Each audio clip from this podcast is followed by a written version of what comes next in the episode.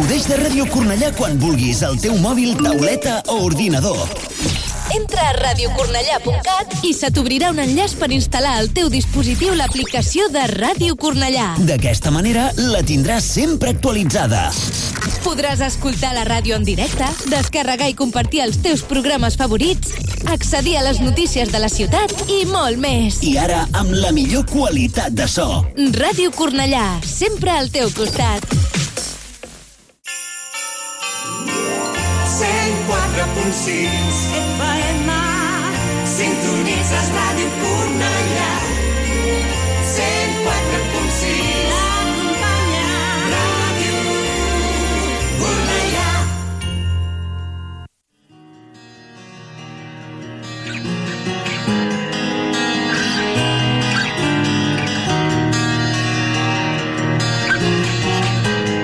En Radio Cornellá comienza el octavo día. Lo mejor del metal.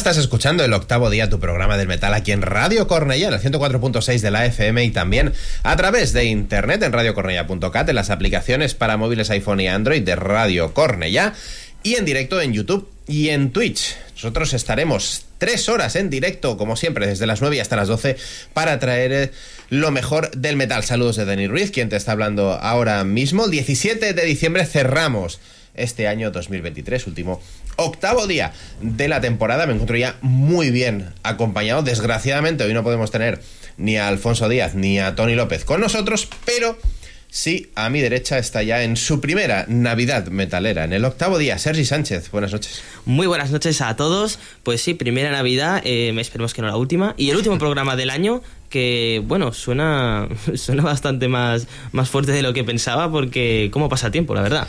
Desde luego que sí. Y a mi siniestra, ocupando el hueco del azufre que deja Alfonso, alguien que ya ha tenido algunas navidades en el octavo día, pero lo pedimos al cagatío, al orenchero, a Papá Noel, y nos lo ha concedido. Mar Gutiérrez, bienvenido de nuevo.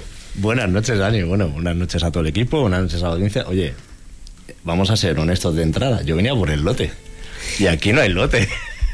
Luego te lo damos.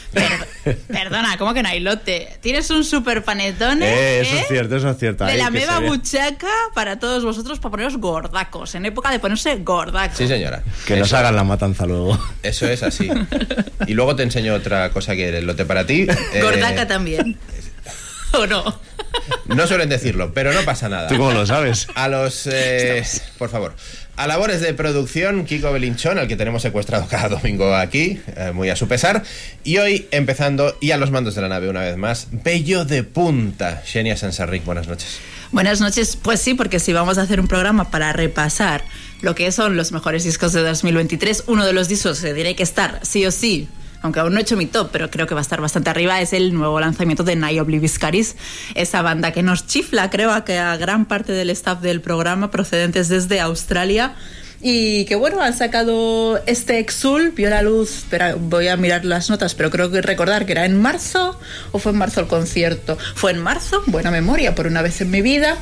Y, y nada, fueron tan solo pues lo que nos tiene acostumbrados Naya Obliviscari, seis, siete cancioncillas, en este caso seis, para que el disco lo disfrutes, te quedes con ganas de más y por tanto le vuelvas a dar al play y vuelvas a entrar en ese bucle que solamente ellos pueden crear en esta mezcla de metal extremo con sobre todo pasajes del violín de Tim que suelen ser bastante atmosféricos y entonces pues eh, creo que era necesario empezar el programa con este tema real que lo dijimos en su momento pero Sí. se vuelve a repetir Misericord 2 Anatomy of Kinescence eh, que es, es absolutamente brutal el disco sí es brutal pero para mí este es uno de los temas claves de, de Exul Una banda unificadora de esas que unen a todo el equipo del octavo día.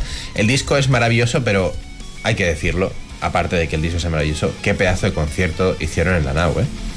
Pues eh, al que tú no estuviste, estaba pensando, digo, yo no, yo no voy a dar y estuve disfrutando del concierto con Jero eh, y con Mónica, creo que también estaba por ahí. Mi momentazo Y- del 2023 tu es momentazo. no comprar entrada para Neubliviscaris, correcto. Pues eh, espero que cuando vuelvan a venir en alguna ocasión les Ah, no, puedas no, ver, la porque las compraré el primero. siempre en todas las ocasiones yo- son varias las que les he visto. Les, les he visto en todos los discos, desde el Portal of Eye también. No siempre han sido. sangre. Sí, voy- eh, por una cosa que puedo pre- presumir. Los he visto en el Brutal Assault dos veces, eh, las giras que han venido por aquí. Me da igual. No me duele. Muy buen directo, Dani. La próxima vez, en cuanto salgan, comprar. Bueno, cuando anunció Comprar. la gira Angra con Ópera Magna las compré Lo antes de que mismo. salieran. Claro. Llamé a un contacto en Brasil. Por digo, si. Cómprame dos. Por si pierdo una. Sí, y sí. antes de proseguir, eh, deciros como siempre que ya estamos en directo en Twitch, en YouTube, por supuesto en Radio Cornellá. Va a estar en, luego en formato podcast en iVoox, Spotify si Spotify quiere, eh, iTunes y Google. Podcast. No quiere, No quiere. Spotify no nos quiere. Y también estamos en las distintas redes sociales que son Facebook arroba el octavo día 8, Twitter arroba, bueno, X arroba el octavo día 8, Instagram arroba el octavo día 8, em, TikTok arroba el octavo día 8, YouTube arroba el octavo día 8, eh, un YouTube que ahora va a estar muy, con mucho material nuevo porque en breve toca ya a finales eh, para Navidad, eh, para tío Olenchero Navidad. Va a estar ese top de diciembre y luego ya empezaremos con los tops anuales individuales. Así Qué que estad atentos. ¡Qué calor! Y también para redes compartiremos la típica plantilla de siempre para que nos pongáis vuestros top 5, nos etiquetéis, compartamos, así sí, si nos ha Correcto. pasado algún discarral, pues, pues oye, tenerlo en cuenta o compartirlos con el resto de oyentes, que eso compartir es Vivir. es vivir, ¿no? Compartir es vivir. aquí algo bonito. Por eso nos alegramos de que en casa de Marc lo compartan con nosotros de vez en cuando. Pues sí, aparte decía Pepe en, en Twitch que Marc Ravilla. Este bebé. Ahí quedará. Gracias, gracias. Ahora sí, vamos a ponernos serios, a repasar. eh, para, por ejemplo, Sergi, discarrales así del 2023 que has dicho, este tiene que estar en mi top sí o sí, sí o sí. Hombre, pues hay uno que me ha venido a la cabeza, pero desde el primer momento, espero, ¿a este concierto sí que fuiste? ¿O tampoco? Si, si vais a, Dos de si dos, vamos ¿eh? a ir por aquí, Nos vamos. Te vas a casa. le digo a Kiko que apague todos los micros menos el mío. Dos de dos ya hoy. No pasa nada. Eh, estaba pensando también eh, sobre lo que he dicho antes, que digo, bueno, esperemos que no sea el último año, pero de verdad me lo estoy pensando yo mismo, ¿eh? porque vaya presión con el top anual que llevo ya. Sí, estoy en tensión preparándolo, pero uno de los discos que ya os puedo ir asegurando que va a estar es el que nos presentó la banda Beyond the Black, que es el homónimo Beyond the Black. Eh, un discazo de principio a fin y como ya estamos en época navideña, ya ha llegado el frío, creo que la mejor canción para recordaros lo que fue este discazo es Winter is Coming.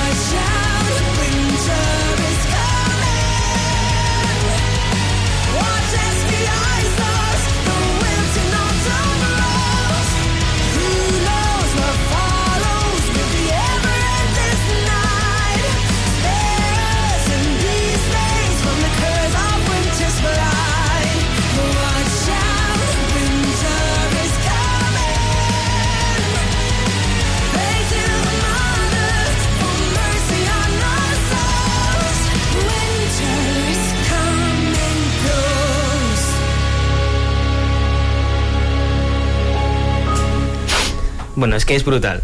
no, no puedo añadir mucho más. Eh, me siento orgulloso de poder decir que voy a poder estar disfrutando de ellos este verano en el Leyendas del Rock. Así que vamos, eh, contando los días ya. Porque esto es un discazo y, y van a tocar muchas. Van a tocar un puñado como hicieron ya en el concierto eh, con Amarante, que para mí fueron los, los grandes triunfadores de, de aquella noche.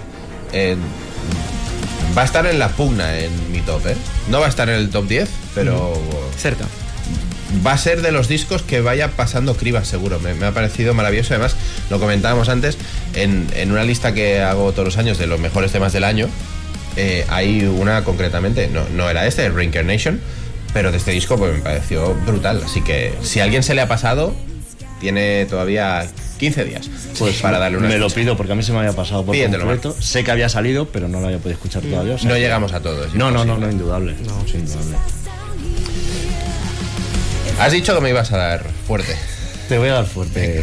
Te, te voy a dar fuerte. Con el metal. Con algo que te va a gustar. Fantástico. Eh, por desgracia, los últimos meses no he tenido el tiempo que quisiera para poder escuchar música y, y el otro día, bueno, hace unas semanas en Alemania pude comprar eh, prensa musical y descubrí... Pero Marc, perdona, cuéntanos, ¿qué hacías en Alemania? ¿A quién fuiste a ver? Cuéntanos. No metas el dedito. Me fui a ver a mi querida Liv Cristina. Pues eso. ¿En serio? ¡Qué novedad! No me lo esperaba. Sí. Cada año, para estas Cada- fechas, sí, sí, qué siempre, curioso. Siempre, siempre. Hace un concierto especial, eh, entonces me fui a verla. Y en el aeropuerto aproveché y compré prensa musical, compré Lo cual es rarísimo, rarísimo lo- en ti también, sí. Raro que me vaya a Alemania, raro que vaya a ver a Cristina, Sí, raro que sí. compre revista. Soy un tío de costumbre, Dani. Claramente. Y compré Legacy. eh, Oh, un- qué buena. Una revista que he reivindicado siempre, probablemente para mí la mejor revista de metal extremo del mundo, de las que conozco, claro. Y descubrí que mis queridísimos Thronehammer, una banda que los eh, viejos oyentes del programa, al menos desde que estoy yo, puede que recuerden porque los traje a una Eurovisión del metal como representantes de Alemania en 2021. No ganaron ni mucho menos, pero se dieron a conocer, o los dimos a conocer un poquito por aquí. Total, que me enteré que habían sacado disco nuevo, me quedé sorprendido porque lo ponían disco del mes y dije, esto tengo que escucharlo. Y vaya disco, vaya disco. Total, que esta gente que hace, esta gente hace Doom. eh, cierto es que el, anterior, el Incarnation Rage, era un poco más eh, psicodélico, con puntos setenteros, eh, de, de sludge, de, de stoner, pero enganchaba mucho. Y bueno, me lo escuché, me escuché el nuevo y, y me esperaba algo parecido, pues sí, pero no. Más Doom todavía, con lo cual me han ganado más todavía. Xenia creo que te va a gustar y mucho. No traigo el mejor tema del disco, te lo adelanto ya, porque el mejor tema del disco dura más de 10 minutos. Obviamente no podemos machacar a la audiencia con tanto y no me apetecía cortarlo tampoco. Pero traigo un tema que por el título le ha encantado a Dani: Kingslayer. Kingslayer. Bueno, esto no es Slayer, ni mucho menos. Ni la banda esa, ¿cómo se llamaba de- el disco Kingslayer? De Power Metal, que Sergi también los Ah, mencionó eh, una vez. Almanac, Almanac. Almanac. ¿Cierto? Eso. Sí, sí, sí. Tampoco Sí, tienen tampoco. que ver con Armad, pero creo que os pueden gustar. Eh, si os gustan Candlemas, los, los Candlemas últimos de Messiah Marcolin, eh, Grand Magus, este tipo de bandas. Bueno. Bueno. Soy más Messiah Eleven, pero, pero a Marconi, ok. Vale, Ah. me parece bien. Escucha, luego comentamos a ver. Total, el 24 de noviembre salió esto, lo saca Supreme Chaos nuevamente. Ellos saben que con esta banda tienen la gallina de los huevos de oro. En Alemania es un sello reputado, es un estilo reputado. Y bueno, pues eh, es la banda de Stuart West a la guitarra y sintetizadores. Creo que ha reformulado muy bien el sonido de sintetizadores. Creo que eso eh, da más personalidad todavía a la banda. Vamos a escucharlo, luego comentamos. Esto es Kingslayer y ellos son Thronehammer.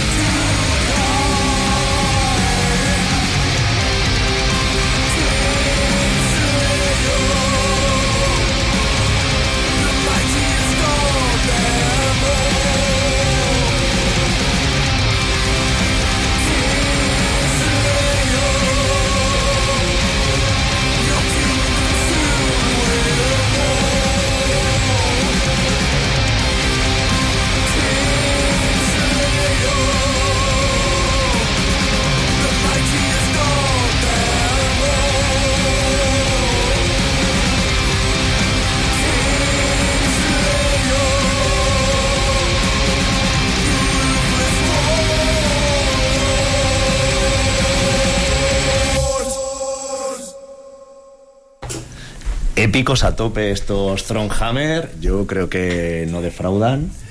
Eh, no sé, a mí me han encantado. eh. Yo la verdad es que estoy rendido a, a esta gente, poco conocidos. Creo que, que si la gente los escucha pueden ganar oyentes. Es una banda que es eso, que al, comentábamos a micro cerrado, que quizá la gente que venga del heavy metal eh, les puede entrar, la gente que venga del doom les puede entrar también. Yo creo que pueden abarcar ahí fans y, y seguidores de, de muchos estilos. No sé cómo lo habéis visto. Ese grito inicial no me lo esperaba. Os ha Pero está muy bien. Muy tamaralla, muy tamaralla. No, pero buena propuesta, no, no los conocía.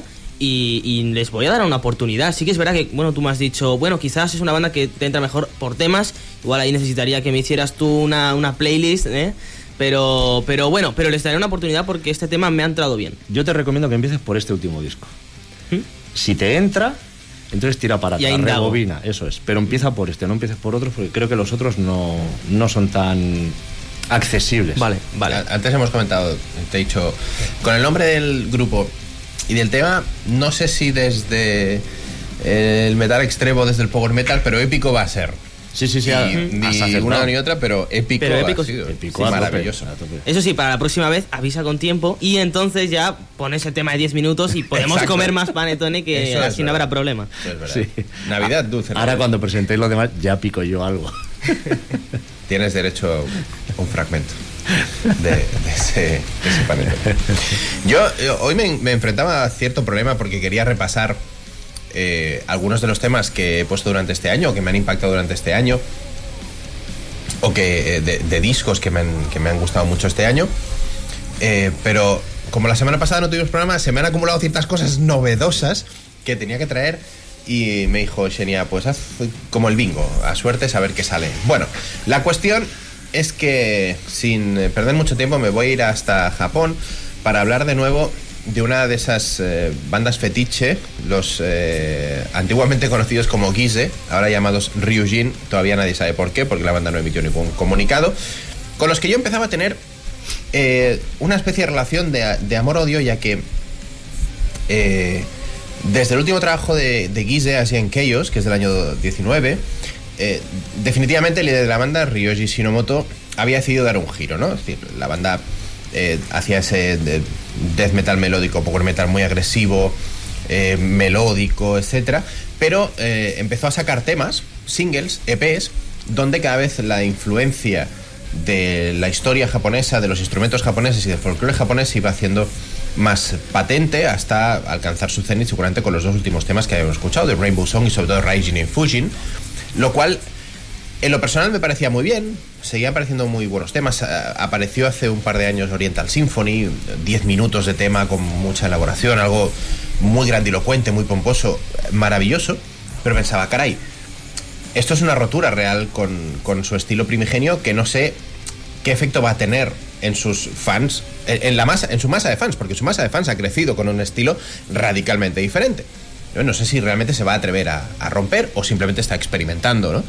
Hace poco han hecho toda la gira con Pain y han cosechado un éxito bastante tremendo. Y en esas estaba yo, en esas dudas, cuando parece ser que el señor Shinomoto eh, puso un radar en mi cabeza, me dijo, ¿estás dudando de nosotros? ¿De verdad? ¿Te atreves a dudar de tu Mesías? Pues aquí lo tienes. Gecko Kujo es la última propuesta de Ryujin.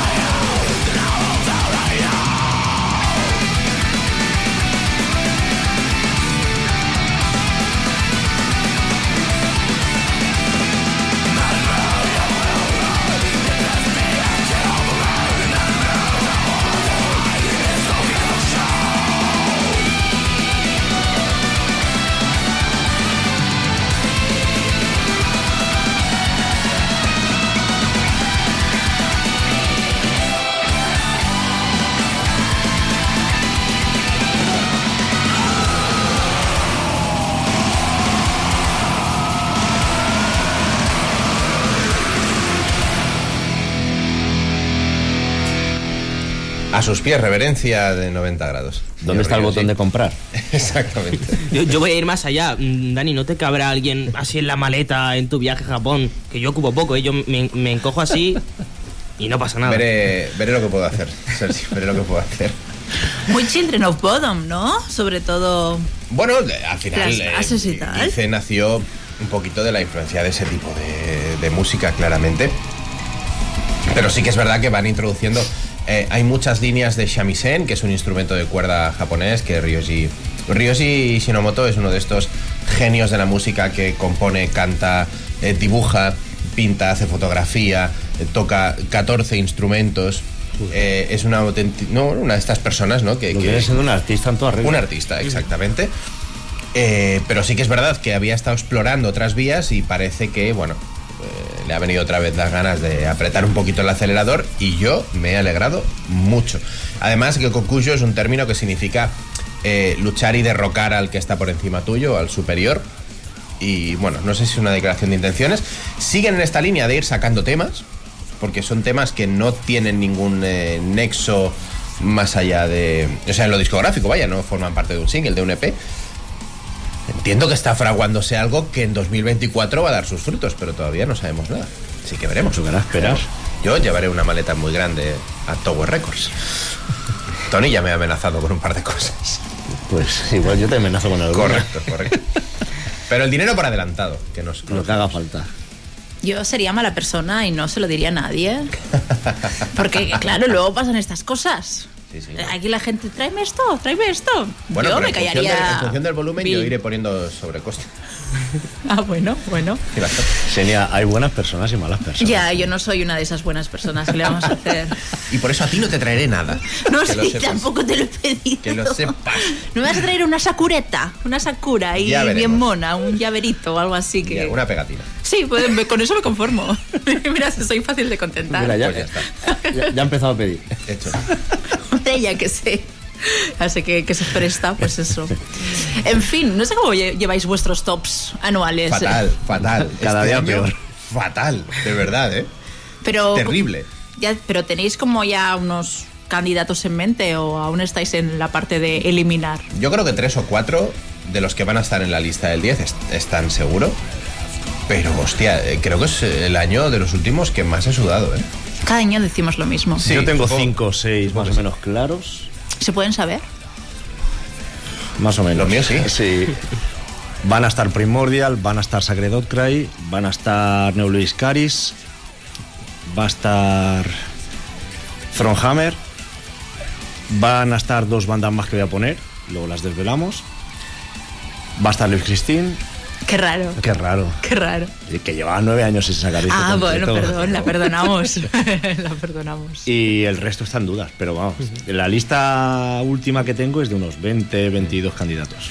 Sacred Outcry estará en mi lista. Sí, la mía seguro. Seguro. la mía seguro.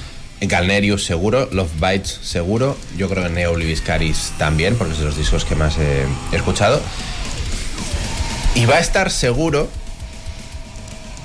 No lo voy a decir, porque voy a poner un tema luego, voy a hacer como marca. Venga, va. Porque eh, va a ser sorprendente para mucha gente. Joder. Y para ti, eh. Sergi, ¿tienes Yo, alguna yo voy con dudas, la verdad, bastante. Sobre todo en la parte baja.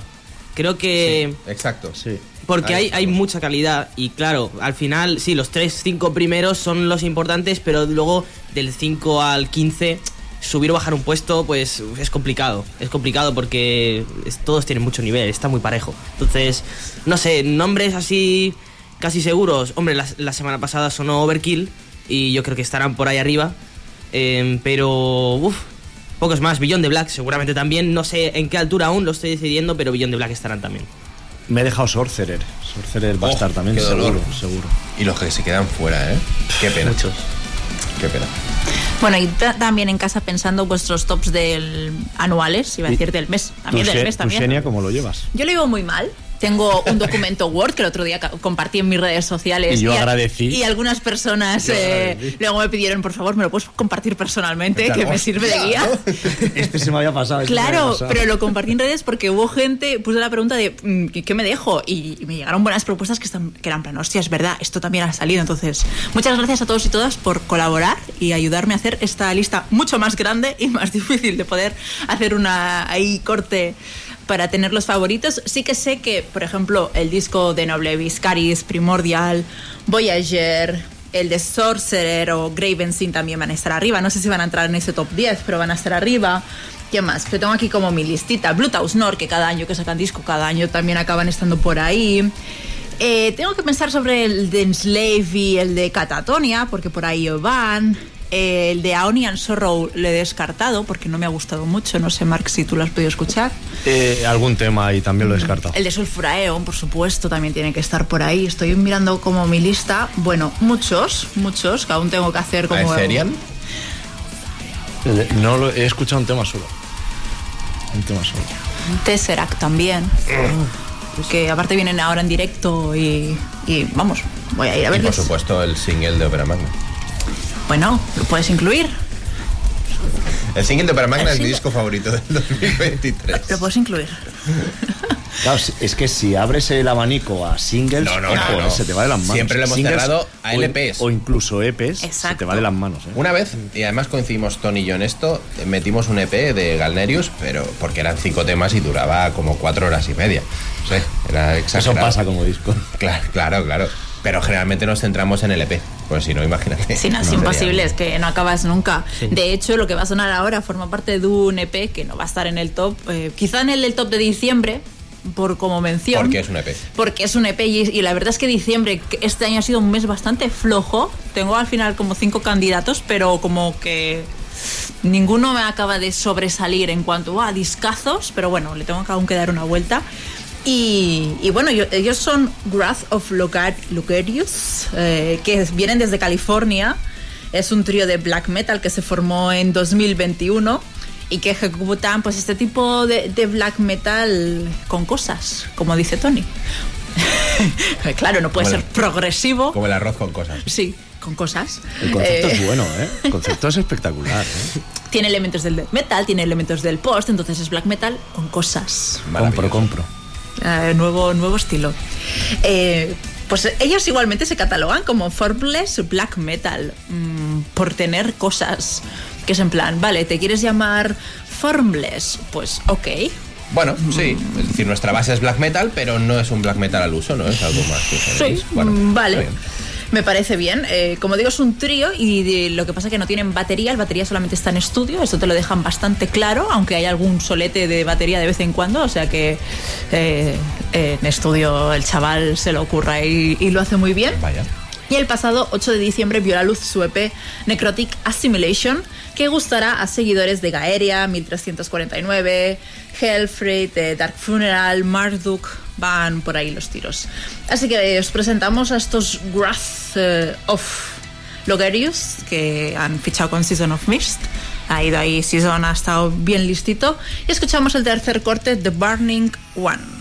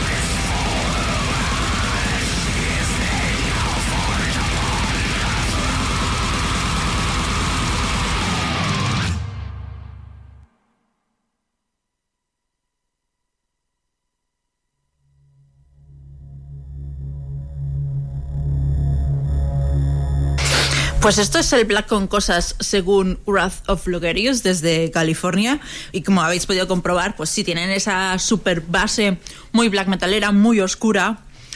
No llega a ser putrefacta, pero tienen las cosas que los hacen como distintos.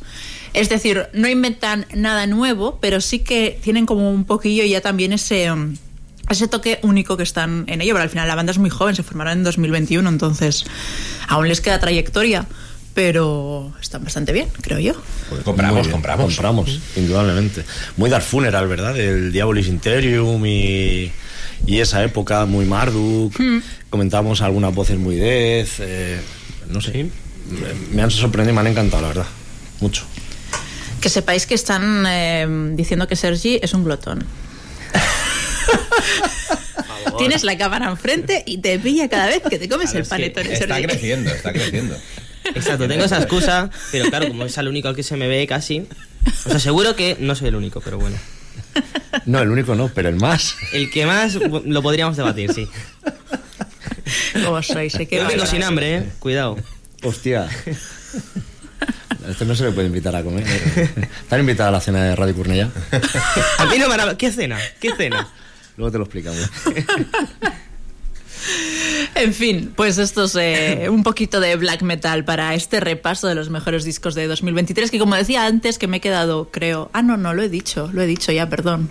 Decía de que os penséis vuestras listas para compartirlas en redes, que nos etiquetéis y estas cosas Por supuesto. de postureo metalero. Queremos hashtag postureo metalero en el octavo día, eso nos gusta. Desde luego. Cambiamos de tercio. Sí, Y bastante. basta- y bastante. bastante. Y es que, bueno, hace unos meses, en agosto concretamente, salió el disco de este magnífico señor, que es Edu Falaschi, em, su tercer largo ya, eh, que es El Dorado. Y bueno, no había sonado todavía en la radio, sí que le habíamos comentado que, de que bueno, no queríamos eh, pasarlo por alto y queríamos que sonase, pero aún no habíamos tenido la oportunidad. Tony, ¿dónde estás cuando se te necesita? Pero no pasa nada porque, bueno, me ha cedido ese honor y, y como, como he dicho, no quería pasar por alto este disco que está muy bien. Si os gustó Veracruz, pues este no se queda para nada lejos. Un disco que, que, bueno, eh, te introduce en la historia de, de El Dorado, esa fantástica ciudad, y, y que incluso contiene tres, bueno, dos canciones en castellano y la intro, quiero recordar que también, de todas formas, lo que vamos a escuchar es Sacrifice.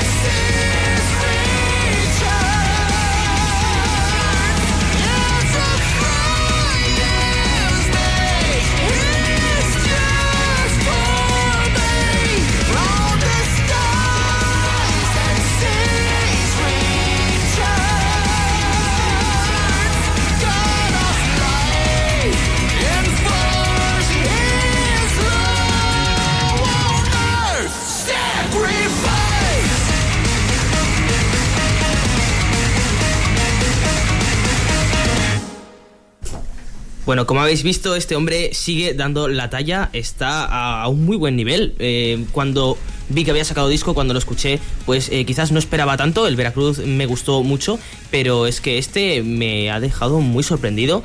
Eh, ya digo, quizás mm, comentaban, me comentaban por aquí a micro, ce- a micro cerrado que igual este tema por momentos no entraba tan directo.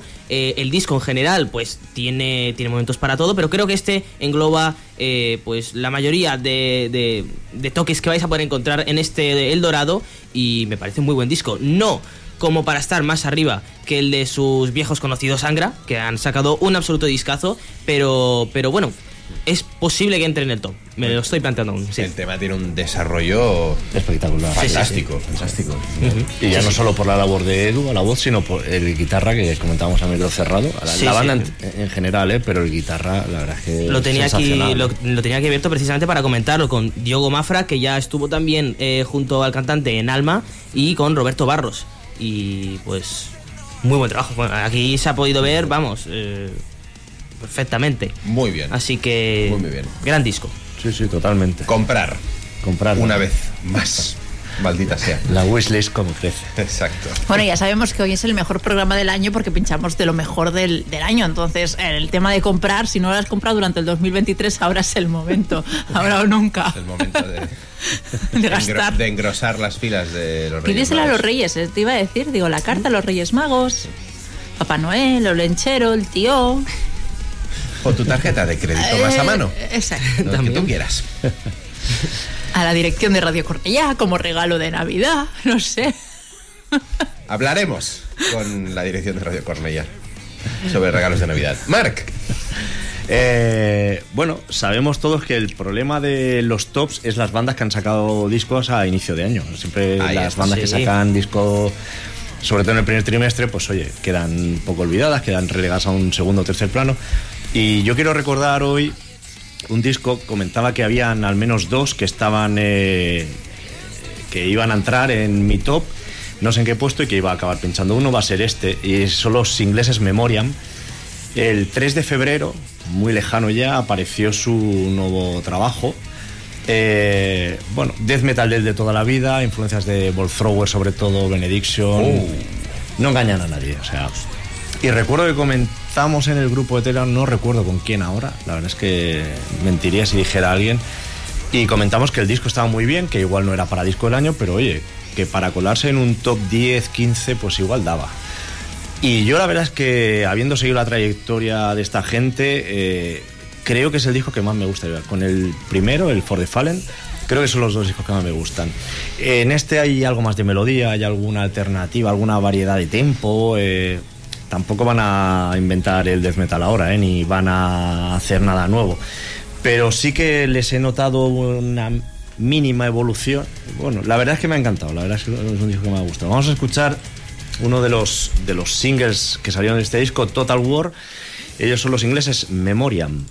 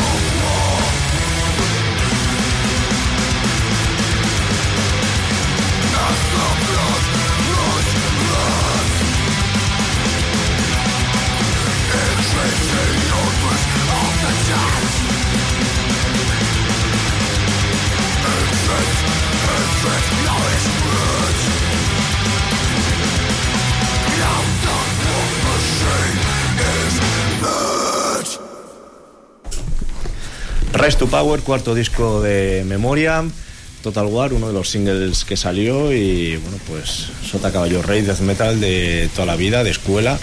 Pero ya digo, yo me ha enganchado especialmente. Tiene ese algo que, que hace que te enganche de más. No lo había añadido en mi lista de cosas a tener en cuenta y he añadido Memoriam Ball Thrower para acordarme que son, claro, al final es Sí, que sí, sí. Albatera, entonces eh, eh, suena Ball Thrower también. Es que- No, totalmente. es totalmente, es como la esencia está muy bien y. Y luego es eso, es que la voz de Carl Willets es que es... es- Ay, es ultratumba. ultratumba, sí, sí, totalmente. Pero aparte de estas, eh, con, con potencia, o sea, llenas. Con cuerpo, Sí, con- sí, sí, sí, exacto. totalmente, To- totalmente. Sí, sí, sí, sí.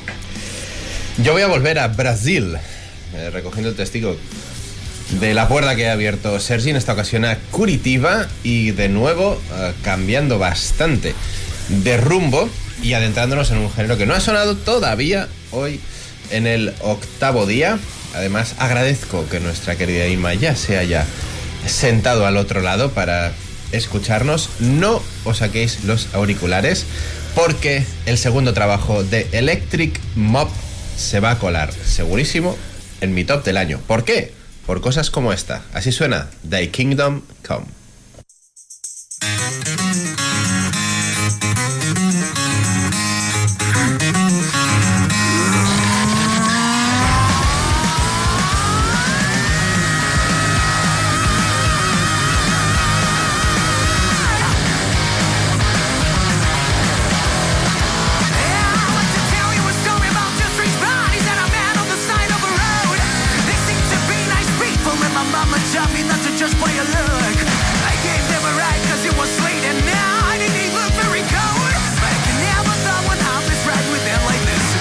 How it goes.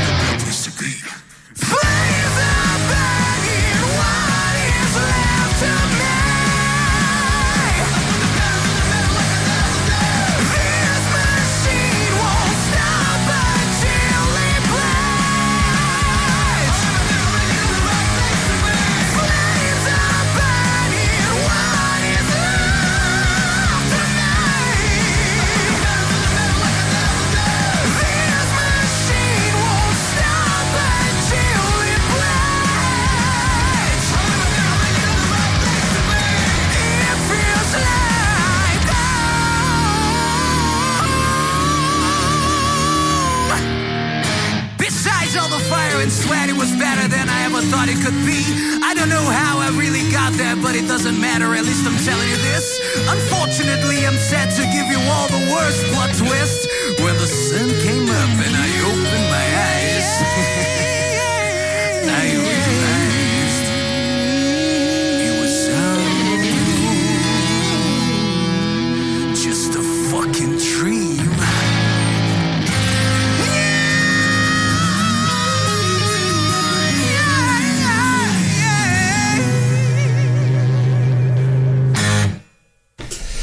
André Leister, Yuri Elero, un guitarrista con uno de los mejores nombres que yo he escuchado en el hard rock, Benur o Water, y todo ello apoyado en la gloriosa, superlativa, maravillosa voz de Renan Zonta.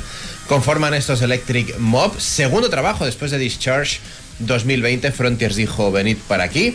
Evidentemente, y los brasileños están bajo el sello italiano. To make you cry and dance, para hacerte llorar y bailar. Y os aseguro que el disco da lo que promete. Aunque en ocasiones te dan ganas de llorar mientras bailas. Es decir, ¿cómo pueden tener este rollito canalla y esta fuerza, esta energía, esta velocidad?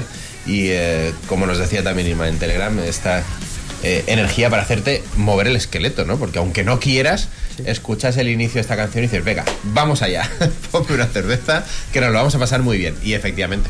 Así que va a estar muy arriba este disco. Qué maravilla, qué salvajada, qué, qué, qué gamberrada. Sí, sí. Sea, Y de nuevo, un vocalista del mundo del hard rock y el metal que no vamos a hacer la comparativa con España porque nunca salimos bien parados, que lo petó en la voz de en Brasil.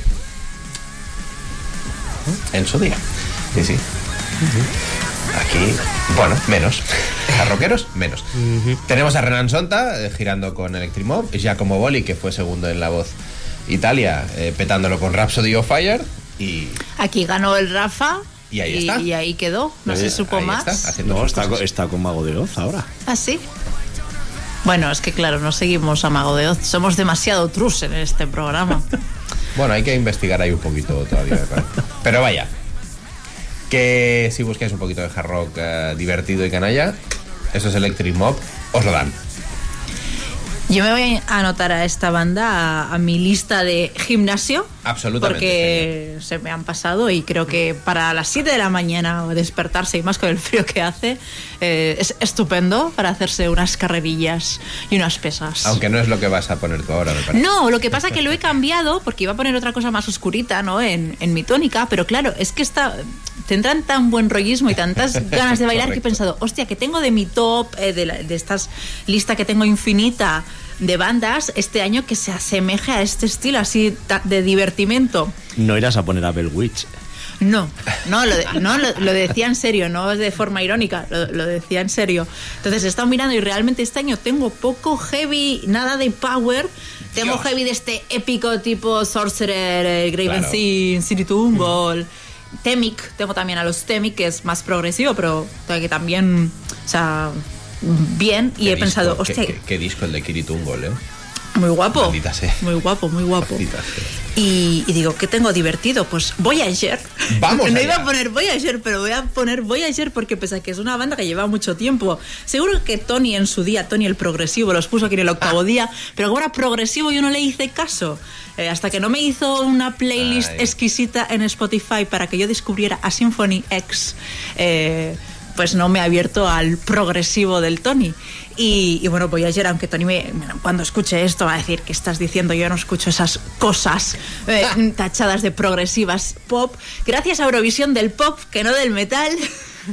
Desde Australia se presentaron Voyager. eh, la verdad es que en Eurovisión del Pop hubo como seis propuestas de rock metal, entre comillas, por lo que hubo bastante, mm, digamos, mm, confrontación a la hora de. O sea, si solamente fuera una banda, todos los votos, así rockerillos, heavies, van a una banda. En este caso, como había seis, como que se bifurcó todo, es una lástima. Pero me ha encantado eh, Voyager, me han encantado. Tengo unas ganas de verles el año que viene en octubre en directo, muchísimas.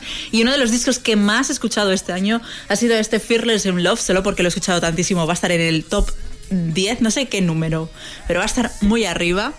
Y, y bueno, pese a que no es mi canción favorita del disco, es la que les dio a conocer en Eurovisión y en much- gran partes del mundo, así que vamos a seguir con el bailoteo a ritmo de Promise, es decir, a ritmo de Voyager.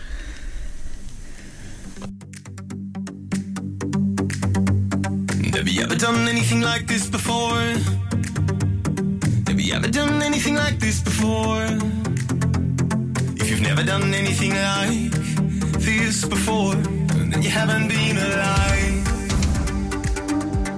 Have you ever shut all the open doors?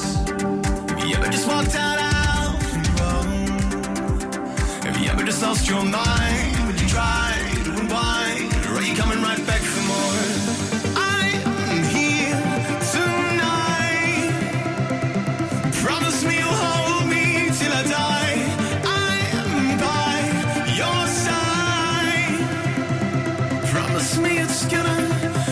Promise me it's gonna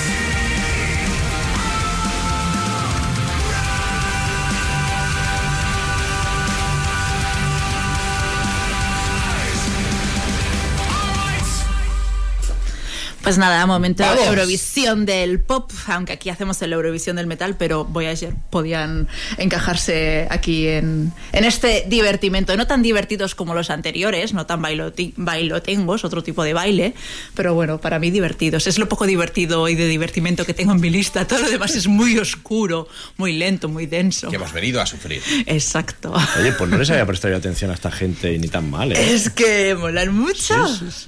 Yo sorprendentemente es uno de los discos ya que te digo que más he escuchado en, en todo el año.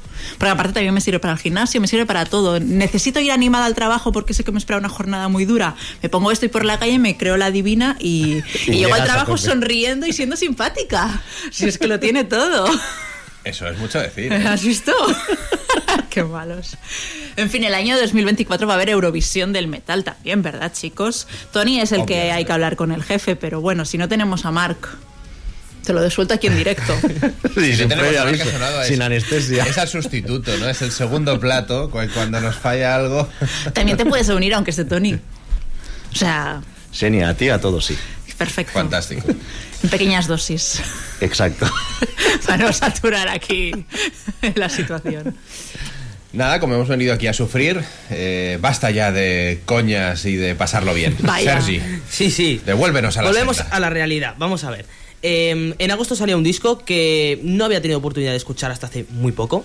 Pero es que empecé a leer críticas y comentarios de la gente. Y bueno, la verdad es que había tenido. Había recibido muy buenas opiniones y este disco es Shades of Sorrow de, de Crypta, una banda que vino el año pasado, si no me equivoco, o no, este mismo año, pero que no pasó por Barcelona y que por suerte ya han anunciado gira otra vez y van a estar en abril de 2024 y esta vez sí que pasan por Barcelona con Black, Black Maze y la verdad que los otros son los innombrables, lo voy a bautizar así porque no sabría leer el, El logo, ¿no? Sí, el logo así de primeras. Una gira que va a ser de siete conciertos: Vitoria, Valencia, Madrid, Sevilla, Valladolid, Zaragoza y Barcelona, y todos seguidos. Así que, bueno, ahí nos, ha- nos va a tocar sufrir porque somos los últimos y a ver cómo llegan. Van a estar agotadas todos seguidos. Eh, vamos a ver qué tal. Pero bueno, vamos a escuchar música que es a lo que hemos venido: Trial of Traitors, que es el tema de Shades of Sorrow.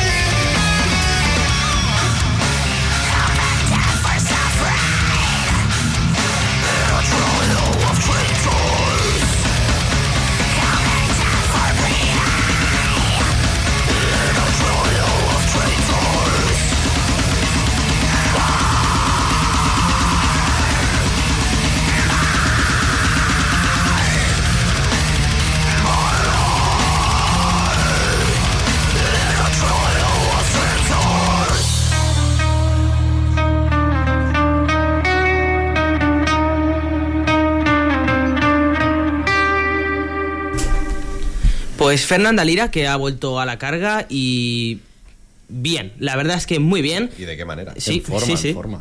Eh, lo que había leído, pues efectivamente se ha corroborado y bien, buen disco. Eh, estoy ya deseando eh, verles aquí el 1 de mayo, concretamente. Así que, sin duda, un concierto que no me voy a perder. Vamos, Y- si te perdón, Sí, sí, adelante. cortado, porque Plague Maze era uno de los de las bandas que acompañaron a Krita y la otra es Ya se me. Nakek Naeker. Hay muchas Ks. En ese nombre hay muchas Sí. Ks. No lo vamos a repetir. No será Nadek Sa- Sadek, pero es que no me. Bueno, No, no.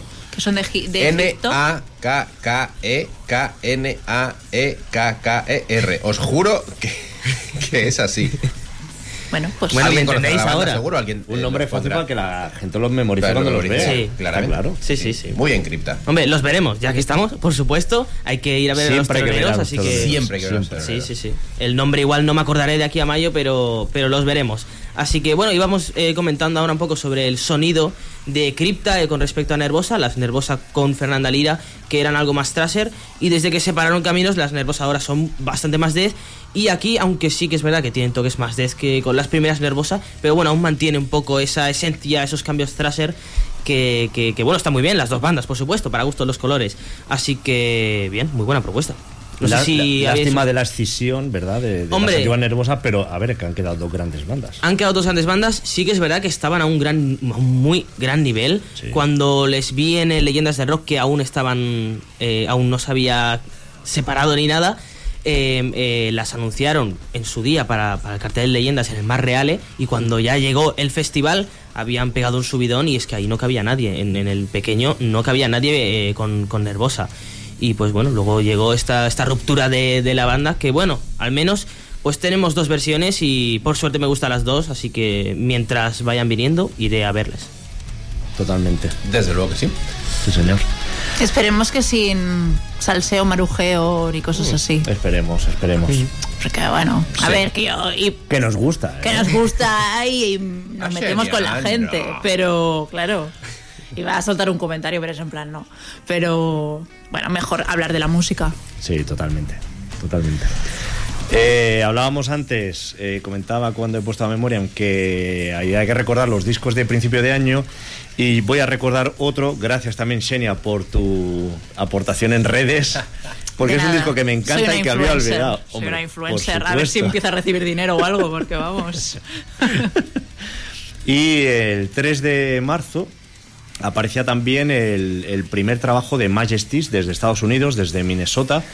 Eh, bueno, death metal melódico, estilo sueco, un disco que si hubieran salido en 1995 hubiera sido aclamado por todo el mundo, pero ha salido en 2023 y bueno, no es que haya pasado desapercibido ni mucho menos, pero no ha tenido la repercusión que creo que debería. Un sonido muy Nightingales, muy Sacrilege, eh, o sea, eh, disco de la esencia del death metal sueco de, la segunda mitad de los 90. Hasta el punto que el logo de la discográfica, 20 Bookspin, lo han hecho con la tipografía de No Fashion Records. Eh, es el mismo, el mismo. Es, quien quiera que lo busque en redes, que lo, que lo va a ver. Y es, bueno, muy chulo, muy curioso y sin haber escuchado el disco ya sabes lo que vas a encontrar ahí. Tienen a Tanner Anderson en su formación, eh, tienen a varios Obsequiae, eh, también mítica banda americana. Y Tanner Anderson, eh, aparte de estar en Obsequiae, es músico directo de Panopticon y Hulder, la one man band, one woman band de black metal que se ha dado tan a conocer en los últimos años y que está de gira por Europa también, desgraciadamente por aquí no. Entonces, bueno, vamos a escuchar sin más dilación Verdant Paths of Radiance. Ellos son Majesties desde Estados Unidos.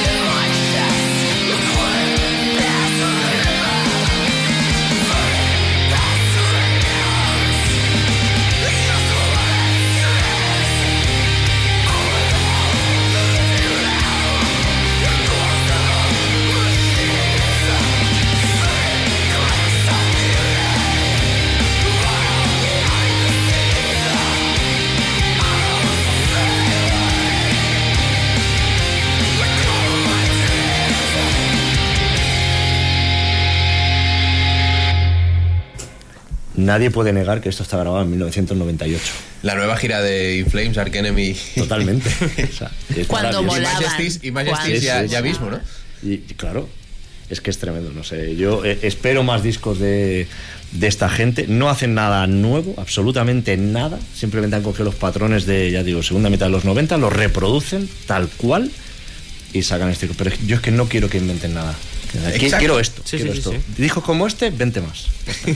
No, totalmente. Yo me he quedado sin reacción. Estaba con un casco puesto y con otro He sin. visto. Porque estaba la conversación interesante. Estamos aquí hablando, bueno, sobre Inflames y sus eh, etapas. Pero a la vez es que quería escuchar porque me estaba molando mucho. Así que tomo nota. Muchas El, gracias. el disco, así todos los temas. Así todos. Perfecto, Qué bueno. perfecto. No, no te va a defraudar si este te ha gustado. Qué bueno, qué bueno. Nightingales también han sacado disco este año. Sí, sí. Y, de, y el año pasado, creo que fue en enero, estuvieron en Valladolid tocando. Única fecha en España, o sea, no. En no- Valladolid. Valladolid. No, no fueron a ningún sitio más, digo, pero ni Barcelona, ni Madrid, ni Zaragoza, nada. ¿Fue alguien a verlos? Hombre, la gente de Valladolid, no sé cómo estuvo de Valladolid público, y, pero- y cercanías, que son de metal, para un, pa' un concierto que tienen, pues Claro. van a ir en No, no, masa. la pregunta era legítima, es decir, ¿cómo estuvo de público? Porque No- no lo sé, no lo suele sé. ser. Sé que tocaron, que no, no se suspendió ni nada raro, pero no sé cómo estuvo el público. Y sí, Night- Nightingales han sacado disco también. Mira, ves, ese otro que se me había pasado. ¿Lo tenías en mi lista? ¿Estaba? Está, está, está. En la primera columna, está. Pues la tengo que repasar entera otra vez. Muy mal. Mira- Majestistas te lo has copiado bien, Mira ¿eh? el boli que se, que, Nightingales que no. se vea. Me lo voy a apuntar, ¿eh? Apunta. Está apuntando a comprar Eres pan. zurdo. ¿Qué, tío? Soy zurdo. Yo también. ¿Sí? Dos Es que- raros. ¿Y qué pasa? ¿Que los Raros. queréis mejores que los Sí. diestros? Hombre, por favor. Sí. Es que es una tontería, pero yo cuando veo a un zurdo escribir, me, como que me, me alegra un montón, pero es en plan, no soy rara. zurdos soy la y única. oscuros. Zurdos y oscuros. En fin, chorradas de, de, de Ned Flanders, porque no tiene otra de un zurdorium. En fin, seguimos. Iba a traer yo una de las cosas que más me ha gustado en 2023, pero como es un poco burrica y Sergi ha decidido poner cripta, pues me retengo. Y me voy a recuperar un disco que pinché hace unos meses que le hizo muchísimo daño a Mark, quien está sentado a mi izquierda hoy. Me voy a Finlandia, una banda que tiene tres álbumes en 13 años, pero es que del 2010 que debutan hasta el 2019 no hay discos y del 19 al 23 tampoco. Desconozco por qué. Desconozco por qué. Esos señores finlandeses tienen una vida muy relajada y muy tranquila.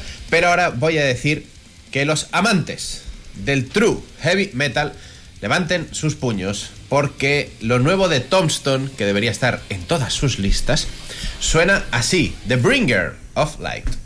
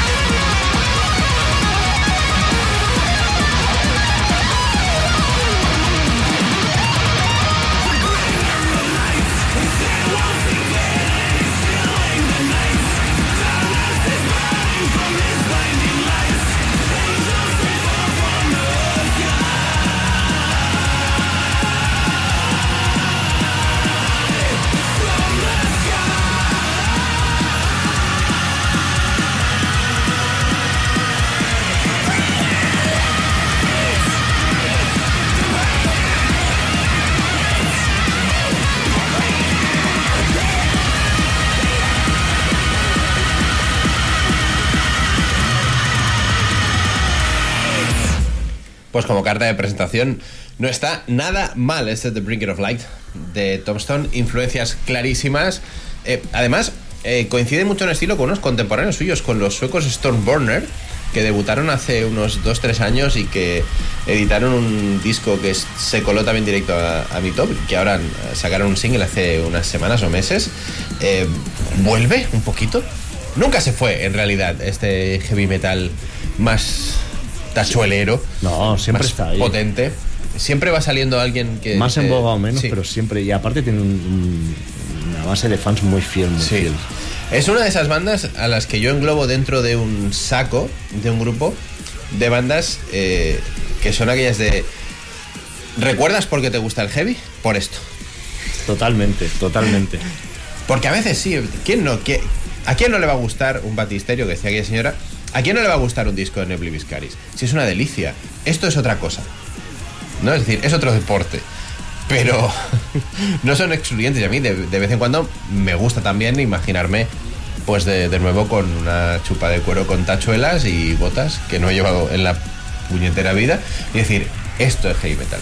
Me encanta. Y por eso me ha emocionado tanto el disco de Tombstone, que además se llama Angel of Blood. Es decir, esta gente que se regodea ya en el cliché, que dice, vamos con todo, y no intentan dárselas de lo que no son y dicen, oye, esto es puro heavy metal, hacemos esto, nos gusta y ya está. Pues tienen todo mi respeto y mi dinero también.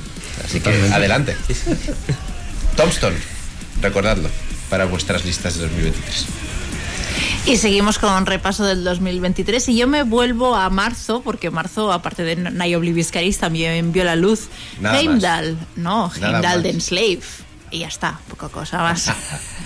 no, no, creo, re- por lo que estoy re- re- viendo, repasando el año, fue un disco, un mes, perdón, bastante prolífico en cuanto a grandes lanzamientos. Y como digo, Heimdall de Enslave fue uno de ellos. Creo que aquí en el programa ha pasado más desapercibido. Igualmente creo que en general también ha pasado más desapercibido. Y no es porque sea un mal disco, todo lo contrario. Yo, a mí me ha gustado mucho más este Heimdall que el anterior Udal, Urdal, Utgard. eh, Utgard, Utgard. Eso sí, sigue la estela de lo que es los últimos años de Enslave, es, des- es decir, Ashomatica, Odin y Vertebrae y demás, para que son como, son como discos referentes y que todo el mundo que ha seguido más o menos Enslave o está dentro del metal extremo con weirdismo eh, sabe de lo que estamos hablando. Y bueno, quería aprovechar el programa para recuperarlo porque no sé si va a estar en mi top, la verdad. Mm, porque eh, eh, tiene mucha competencia. Pero sí que es cierto que al, al final Heimdall es un gran disco y que menos que, pues, que aprovechar este repaso que estamos haciendo del año para recuperar este Heimdall, concretamente el cuarto corte de nombre Kingdom.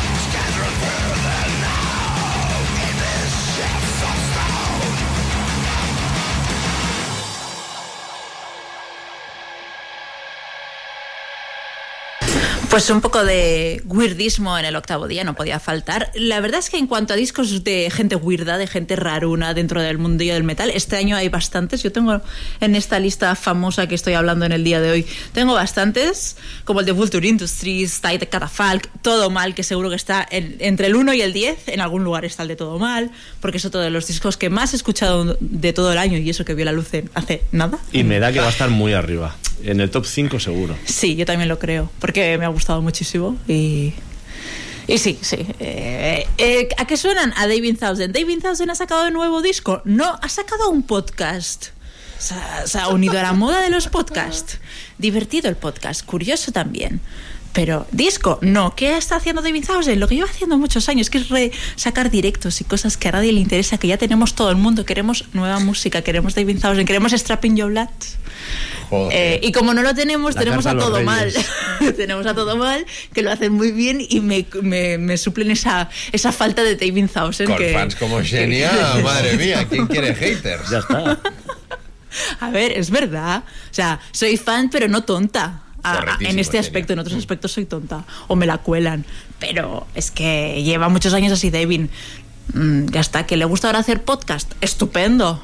Pero. Ya está. eh, Sí, sí, así es. Ya está. Así es. Bueno, pues eso, que en el ámbito weirdismo también ha habido grandes lanzamientos. Habrá que ver dónde quedan en las posi- posiciones del top final. Y que bueno, Enslave ha sacado un gran disco, pero como digo, Heimdall no sé si va a estar en este top 10, yo creo que no, porque tiene mucha competencia, pero no deja de ser un, un gran trabajo. Y Heimdall ha sacado un buen disco que tampoco va a estar en mi top 10. Con perdón. Pero si os gusta el true heavy metal, Sí, pues sí, ahí sí, lo totalmente. Ya está. Totalmente. En fin, que se nos hace tarde. Sí, Y hay mucho disco tiene que 2023 sí. aún por repasar. Exactamente. mucho, mucho, siempre, siempre va a quedar además. Pero, Eh, pero Sergi ha venido hoy a destruirlo todo, ¿eh? Bueno, Sí, sí, pues- menos mal que ha puesto a Edu Falaski. Sí, me he comportado al principio y luego ya, bueno, he echado el resto. Y es que, y es que sí, ya son casi, casi las 11 y me va a tocar irme ya, pero no sin antes dejaros una muestra de lo que ha sido el disco de Obituary, Dying of Everything, que salió este año. Así que bueno, luego comentamos, pero primero vamos a escuchar el que le da título a este nuevo trabajo de Obituary, Dying of Everything.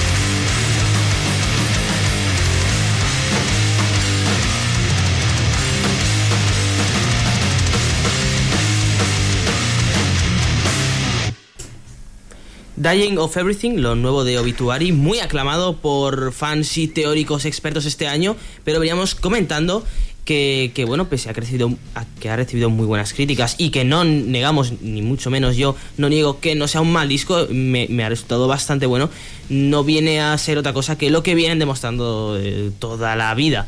Pero bueno, sí que es verdad que al final, pues después de 20 años, lo que siguen arrastrando, por decirlo de alguna forma, eh, y no quiero que suene mal, es Obituary, que es, su sonido, y es con lo que yo me quedé la primera vez que los vi, que fue en 2015. Yo era un eh, chaval de, de algo menos de, de 10 años, y claro, cuando, cuando vi Obituary, pues, pues bueno, me sorprendió mucho, no, no me imaginaba nada igual.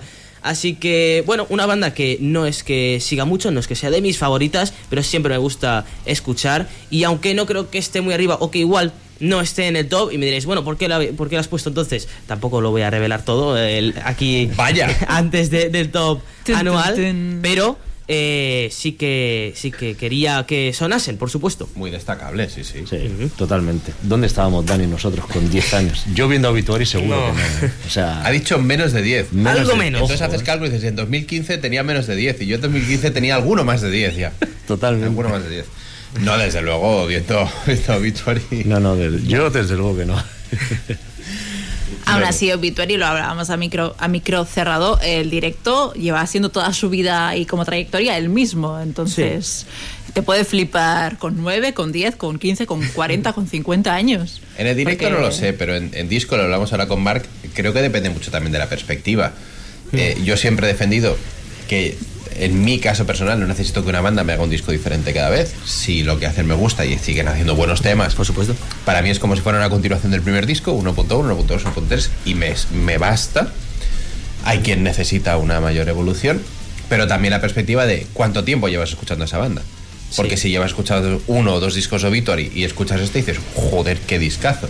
Si llevas los últimos 30 años escuchando Obituary, dices, joder, otra vez. Uno más. O sea, bien, pero a ver, Me gusta, pero uno más. claro. No, ahí pero está. a mí me pasa con ellos lo mismo que con Cannibal Corpse. Yo en disco no los escucho, pero siempre que vienen en directo voy a verles. ¿Por qué? Porque sé que me lo voy a disfrutar. Y Claro. que las canciones al final, el Sota Caballo Rey me lo sé y voy a hacer headbanging Y en los momentos que toca hacer headbanging. Sí. Y ya está. Está. Es Totalmente. fantástico. Muy buen disco, sin duda. Eh, y pasan seis minutitos, casi siete de las 11, y no sé si tenemos que decir adiós a Sergi. hasta Tristemente dos- sí. Hasta 2024. Hasta 2024. Y es que ya nos vemos el año que viene. Así que, bueno, espero que eh, me recibáis con los brazos abiertos eh, para 2024 a todos los oyentes que aquí estaremos dando guerra, por supuesto. Además, es un año que, que- que viene fuerte. Lo, lo quería colar en algún momento, así que ya, ya lo tengo que soltar. Y es que Rage ha anunciado nuevo disco, disco doble. Ya me extrañaba Sí. que Sergi se fuera sin hablar de lo nuevo. No he traído nada porque no hay single, pero no dudéis que en cuanto haya single, aquí estará sonando. Así que nos vemos el año que viene y felices fiestas a todos. Pues muy bien, esperamos que a Sergi no le traigan mucho carbón y sí mucho plástico. metal, mucho metal. Plástico en forma de CD. Sí. Relleno de metal, por supuesto. Eh, Tenemos tema. Tenemos, O- tenemos. Vale, lo Eh, digo. O sea, mm, como quieras. Vale. Podemos hacer un inciso, un parón, aprovechando Porque que. tenemos una cosa de comentar, que hemos tenido a Alfonso ahí Exacto. dando el callo. Alfonso Tragabolos, aunque muchos crean que desde Marilyn Manson está castigado y no puede volver al estudio de Radio Cornellá, eh, Ya solamente... se le levantó el veto. Claro, solamente se conectó desde casa el otro día porque venía de ver las Baby Metal, la curiosidad, ¿no? Teníamos curiosidad de qué es ver Baby Metal en concierto. Eh, el día antes estuvo viendo a Exesus. Eh, y claro, es una banda Exesus, eh, banda amiga del programa, que el año pasado sacaron un discazo como es eh. Aún no me he aprendido el nombre porque me, me cuesta la S y la Y y la N juntas. Pero bueno, eh, discazo de Exesus, al final hay que quedarse con el nombre de la banda. Y nos ha hecho una breve crónica que nos ha mandado co- para compartirla con todos vosotros. Así que vamos a escuchar a ver qué tal fue el concierto de Exesus, que seguro que muy bien, porque son unos chavales que siempre en directo lo dan todo. Hola, muy buenas noches compañeros y como no, audiencia de- del octavo día. Y bueno, pues en primer lugar me gustaría pues disculparme por no estar, no poder estar esta noche ahí con vosotros. Y en segundo lugar, pues me gustaría, pues debido a que la semana pasada tuvimos un programa un tanto especial, los que nos escucháis asiduamente ya sabéis a qué me refiero, pues quedó un poquito eh, en el aire, pues hablar de, de uno de los conciertos que asistimos que fue precisamente el pasado sábado 9 de, de diciembre en la sala Zowid Hospitalet, pues la triple descarga que nos ofrecieron eh, Sharp, eh, White Demon y Excessus. Y pues me gustaría destacar que, hubo un ambiente muy muy agradable, había bastante gentecilla, la sala no estaba llena, evidentemente, estábamos en, en un fin de semana que era el del acueducto, como se suele decir, el puente de la Purísima y de la Constitución, todo junto, mucha gente se tomó la semana de fiesta. Pero pese a ello, el ambiente en la sala Fogui estuvo bastante, bastante animado. Y es que no era para menos, ya que las tres bandas, pues cada una en su estilo, ofrecieron unas muy buenas prestaciones. Empezó la, la velada con Sharp, una banda que, personalmente de reconocer que, que no tenía el gusto de, de conocer, pero que pese a ser jóvenes y, y que creo que no lleva mucho tiempo funcionando como banda, me sorprendieron muy gratamente, tocaron algunos de los temas que formarán parte, según nos dijeron, de lo que será su, su primer trabajo. Y bueno, también llama mucho la atención esa, esa versión de Med que hicieron, un Tornado Souls, que les quedó bastante, bastante bien. Como os digo, una banda a la que hay que tener en cuenta, hay que estar atentos a lo que vayan, a, lo que vayan haciendo y yo personalmente pues voy a estar ahí vigilando para ver cuándo hay posibilidad de escuchar ese, ese material que, como digo, pues están a las puertas de entrar a, de entrar a grabar. Los siguientes eh, en pisar el escenario, los encargados de recoger el testigo, fueron eh, White Demon, eh, una banda que a estos sí que los tenía, los tenía ya vistos y en el radar porque es una banda que en los últimos meses pues se ha movido bastante y están tocando bastante en cualquier sitio donde hay posibilidad, siempre te los puedes encontrar y, y eso la verdad es que viéndolos en- sobre el escenario se nota que es una banda trabajada, es una banda que está acostumbrada a tocar en directo y, con esa dualidad vocal, ¿no? Vocal e instrumental, porque mezcla pasajes, diría, incluso oníricos con trayazos desgarradores. Eh, muy destacable la, actitud de, la actitud y el registro de, de su vocalista, que es la, la hija de Luis Blanco. Eh, y ya os digo, es una banda que está on fire, que presentaban eh, los, los temas de su EP, que tengo por aquí el nombre apuntado porque, ostras, el nombre es un poco complicado. Nankurunaisa, o sea que es un- el nombre es, es enrevesado. Y bueno, y según decían, cerraron una etapa con este concierto y ya mirando ya de cara al año que viene, ¿no? Pues nuevos planes, nuevos conciertos, imagino que nuevas grabaciones. Y como os digo, otra banda de aquí, de, de casa, que merece mucho la pena y que a veces centramos mucho en eh, el objetivo de lo que nos viene de fuera y no miramos hacia adentro y no miramos, pues, gente joven que está haciendo propuestas muy, muy interesantes. Y bueno, y el plato fuerte de la noche, pues eran eh, Excessus. Los conocemos sobradamente, han sonado en el programa, vinieron a presentar su último trabajo, ese Asinapse.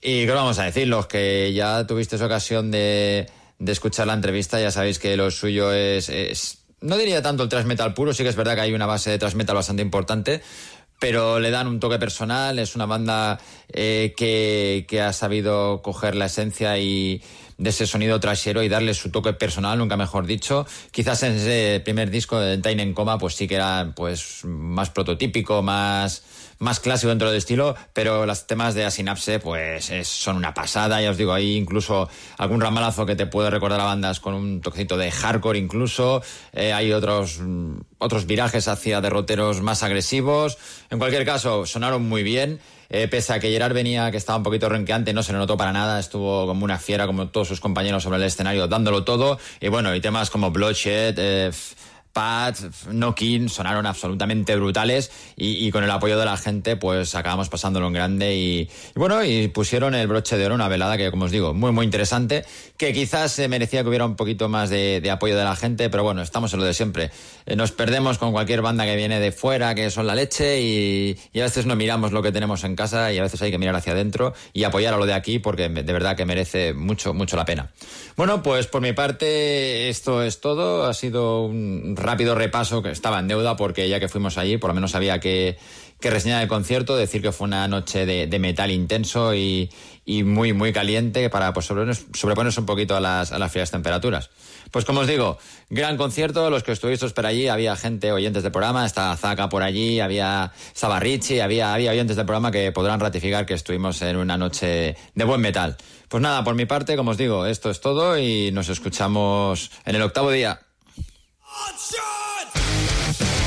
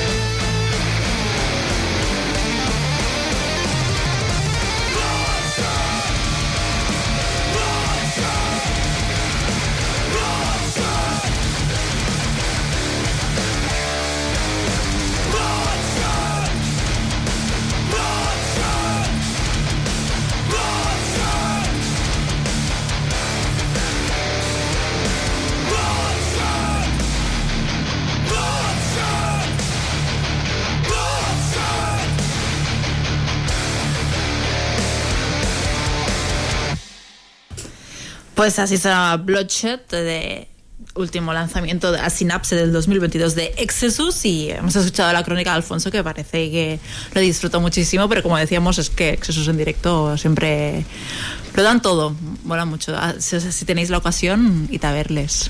Son buenos en disco, pues en directo. Bueno, a veces es bueno en disco y en directo, ¿no? En Sí, este pero- caso, pero en no. el caso de tienen, Exesus- los chavales tienen muchas tablas, no paran de moverse, así que sí, sí, sí. Totalmente. Y otros chavales, ¿no? Que están empezando chavales. también. Yo vengo, vengo A hablar de lo- mi libro. o- Os tengo, os tengo que confesar algo. Yo vengo ya a flagelarme y a que, a que me flageléis. O sea, Qué maravilla. vengo. Yo nunca había hecho caso a Soen.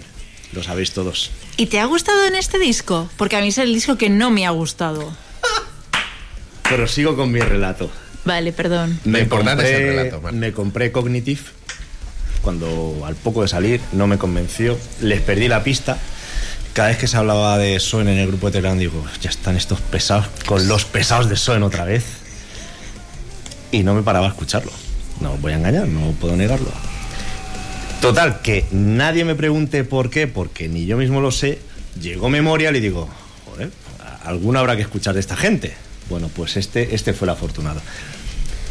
Y oye, yo decía antes, veremos a ver cuál es el disco del año. Hay uno que le está discutiendo a Neoblu Viscaris el, el privilegio de ser el disco del año. Bueno, pues es este, No te creo. créeme. es este. Increíble. Eh, y más estuve muy cerca de ella en el concierto cuando estuve en Barcelona. Obviamente no me lo quise perder. Eh, estuve con Pep, estuve con Jordi Pons, eh, bueno, con Pera, estuve con, con varias gente de oyentes del programa. Sí, sí, sí. O sea, catedráticos de- de- del metal. Y, yo salí tan alucinando del concierto como después de haber escuchado el disco. Espectacular. Obviamente, primero que digo, y todo el mundo lo sabe, yo no soy seguidor del pro, ni lo soy, ni, ni congenio con el estilo. Algunas cosas puntuales. Para mí Soen no es pro, al menos Memorial no es pro. Después de esto he escuchado algunos de los anteriores y me han gustado. Pero Memorial tiene ese algo que me ha convencido. La voz de Joel Ekelov me encanta, o sea, me apasiona, me ha enamorado la voz de este tío. O sea, podía haberlo hecho antes, sí, pero da igual, lo ha hecho ahora. Y luego tiene la, la balada de Hollywood con, eh, con Elisa Toffoli, que ya colaboró en su momento con Tina Turner y tal, que es una absoluta maravilla, una delicia. La iba a poner, pero bueno, después del, del programa de baladas de Tony, digo, bueno, ya había suficiente reacción ahí, digo, vamos a poner otro tema. Pues eso, vengo a, a que perdonéis mi pecado. Ah, en no, nada me hallo. Sí, sí, sí, sí, totalmente. Es que debido a las grandes y buenísimas críticas que ha, críticas, perdón, que ha tenido Soen, no solo en nuestro grupo de Telegram en general, y yo le he dado a este disco mil oportunidades, cosa que no suelo hacer. Es decir, cuando un disco lo típico salen tantas cosas que a veces lo escuchas y no, no, no te da tiempo a, a darles oportunidades. Digo, a ver si es que no tengo el día. Lo he probado en más de una ocasión y no hay manera. Este disco no me ha gustado, no, me, me aborrece. Eh, y otros discos de Soen me gustan. Pero no sé, no sé qué le pasa, me pasa a mí algo con este disco que no hay manera. Yo creo que tuvo que ser que lo cogí en el momento adecuado en que tenía que llegar. Y, y llegó y, y me caló. me caló. Y aún espero que me llegue ese día con Opet. ¿En general o con En general con Opet, no, o sea, no, no me gusta Opet. Lo he dicho, mm, lo sé Dani, lo he dicho en más de una ocasión, pero me gustan mil bandas que suenan y están influenciadas por Pero Opet. No. Pero Opet lo intento, lo intento, lo intento y no hay manera. En cambio en Soen, por lo general sí me gusta su trayectoria, pero este disco, pues no. No sé, debo tener algo aquí estropeado, hay alguna conexión No, no, que no, no, no va claramente, bien. clarísimamente. no va bien en mi cerebro. Escucha, que, no- que nos pasa con bandas que tendrían que gustarnos. Recuerdo cuando pusiste a Ruin of Beverast y yo te dije, es una banda que tiene todo lo que tiene que tener una banda para que me guste y estos no me entran. Pues a ti con Opeth debe de pasarte algo parecido. Yo creo llegará a algún punto, quizá cuando tenga 90 años, que me guste Opet y me cague en todo, porque han venido en directo, lo se puede ver en directo y disfrutar, y, no, y en aquel momento pues entiendo que si yo tengo 90 años ellos, pues no sé. Pues alguno más. viven mucho, ¿eh? Alguno más tendrán. No sé. Bueno, vamos a escuchar a Soen, a ver si Total, ahora que- mismo en plan radiofónico mejor 2023 me entra este disco. Vamos a ver. Creo que fue el primer single que salió, lo vamos a poner. Eh, creo que Unbreakable, ¿verdad, Dani? Fue el primero. Así que nada, con Unbreakable, pues eso, espero que me perdonéis. Soen.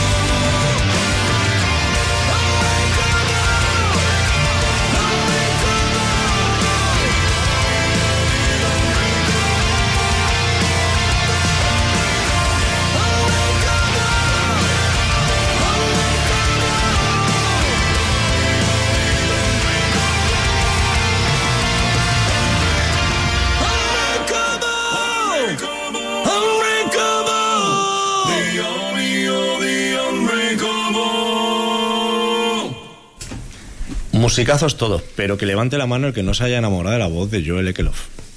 Absolutamente maravillosa. Xenia, no, no. No, no, no, no, es mentira. No, no, que Qué te digo que no, que era broma, que, que tiene muy buena voz, es muy bonita. Si es que no te digo que no, solo que este disco no me ha transmitido nada. No, no, no, que, que pasa, ¿eh? Que pasa, ya te digo, que a mí me Puedo tener aquí una coraza, no sé. Pero que, que yo con este disco, ya te digo, es, es el que le está discutiendo el disco del año a Wow. Nelly Viscaris para mí. Wow. Y ya te Mira, digo, ¿eh? no me lo esperaba de ti. O sea, No, podría ser cualquier otro disco. Te he decepcionado, ¿eh? No, solamente es una sorpresa. No, Marc, no, por gustos, oye.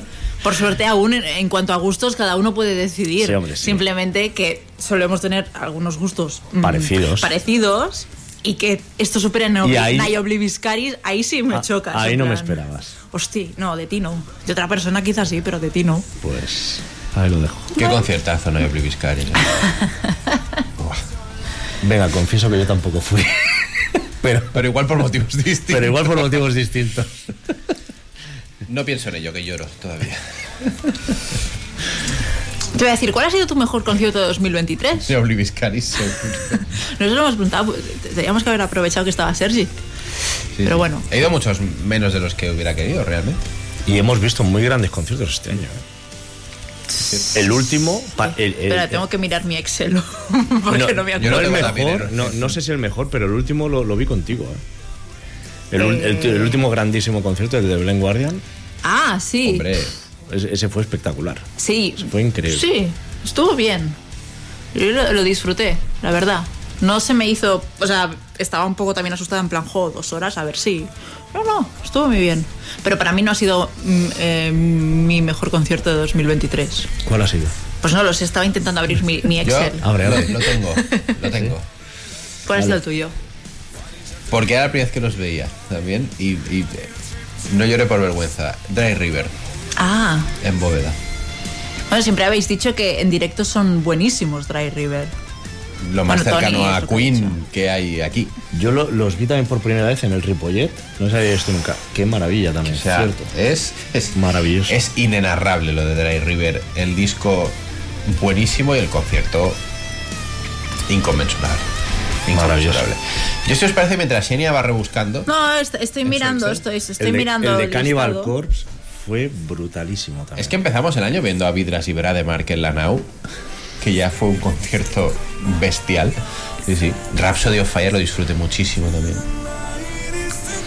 En el Dark Orgasm, a pesar de todo, también es Gaudín Mall. Sí, Gaudí y Mall. yo tengo ganas de que este festival siga mm, con más ediciones, la verdad. sí. Ese, Han anunciado la segunda, ¿no? Creo.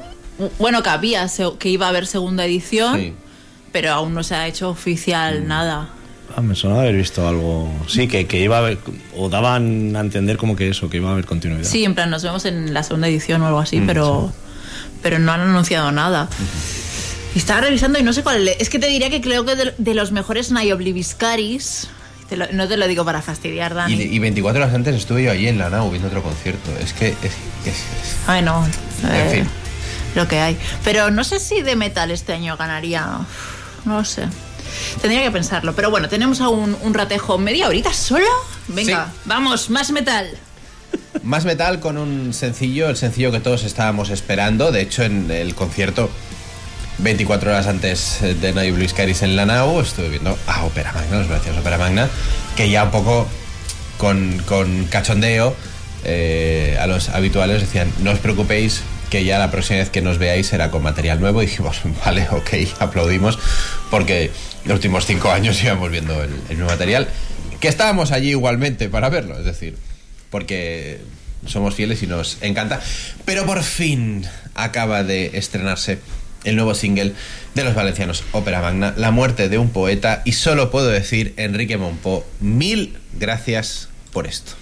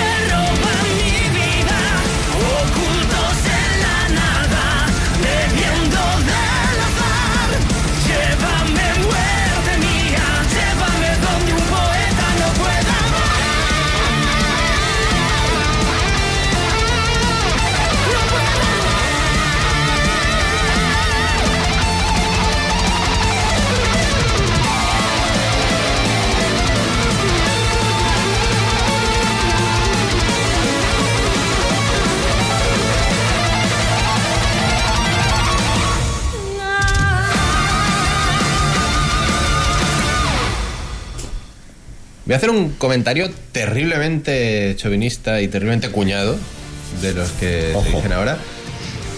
Pero es que lo creo de verdad. Eh, ponemos a José Groseta a cantar en inglés y decimos que esta banda es de por ahí. Y, estoy convencido que Tiene- no, es, no es que cuele, tiene es un que éxito ya está. arrollador. Ya está. He dado gracias a Enrique Monpou, que es el compositor principal, por hacer una nueva maravilla. Eh, el tema apareció hace 48 horas y es. 48 horas, no, perdón, 4 días ya. Es de lo más escuchado en 2023 en Spotify por mí. Eh, Está muy bien. Y. Mola ver a los teloneros y mola ver muy buenos teloneros, ¿eh?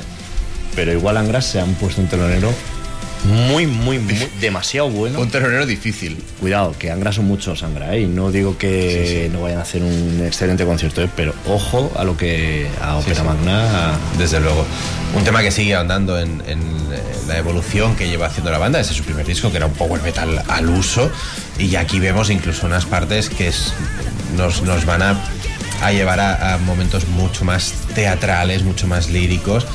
Eh, Javier Nula con la guitarra está ya a un nivel que es indescriptible, sencillamente. Y eh, hablando con uno de los miembros de la banda, en privado le dije, bueno, madre mía, enhorabuena por el tema, que es una pasada, y me dijo, creemos que el segundo single es el que os va a volar la cabeza. Menos mal, menos mal. Y dije, bueno, ¿y cuándo sale? Intentando tirar un poco la cuerda, me dijo, ya lo verás. Y yo, mierda.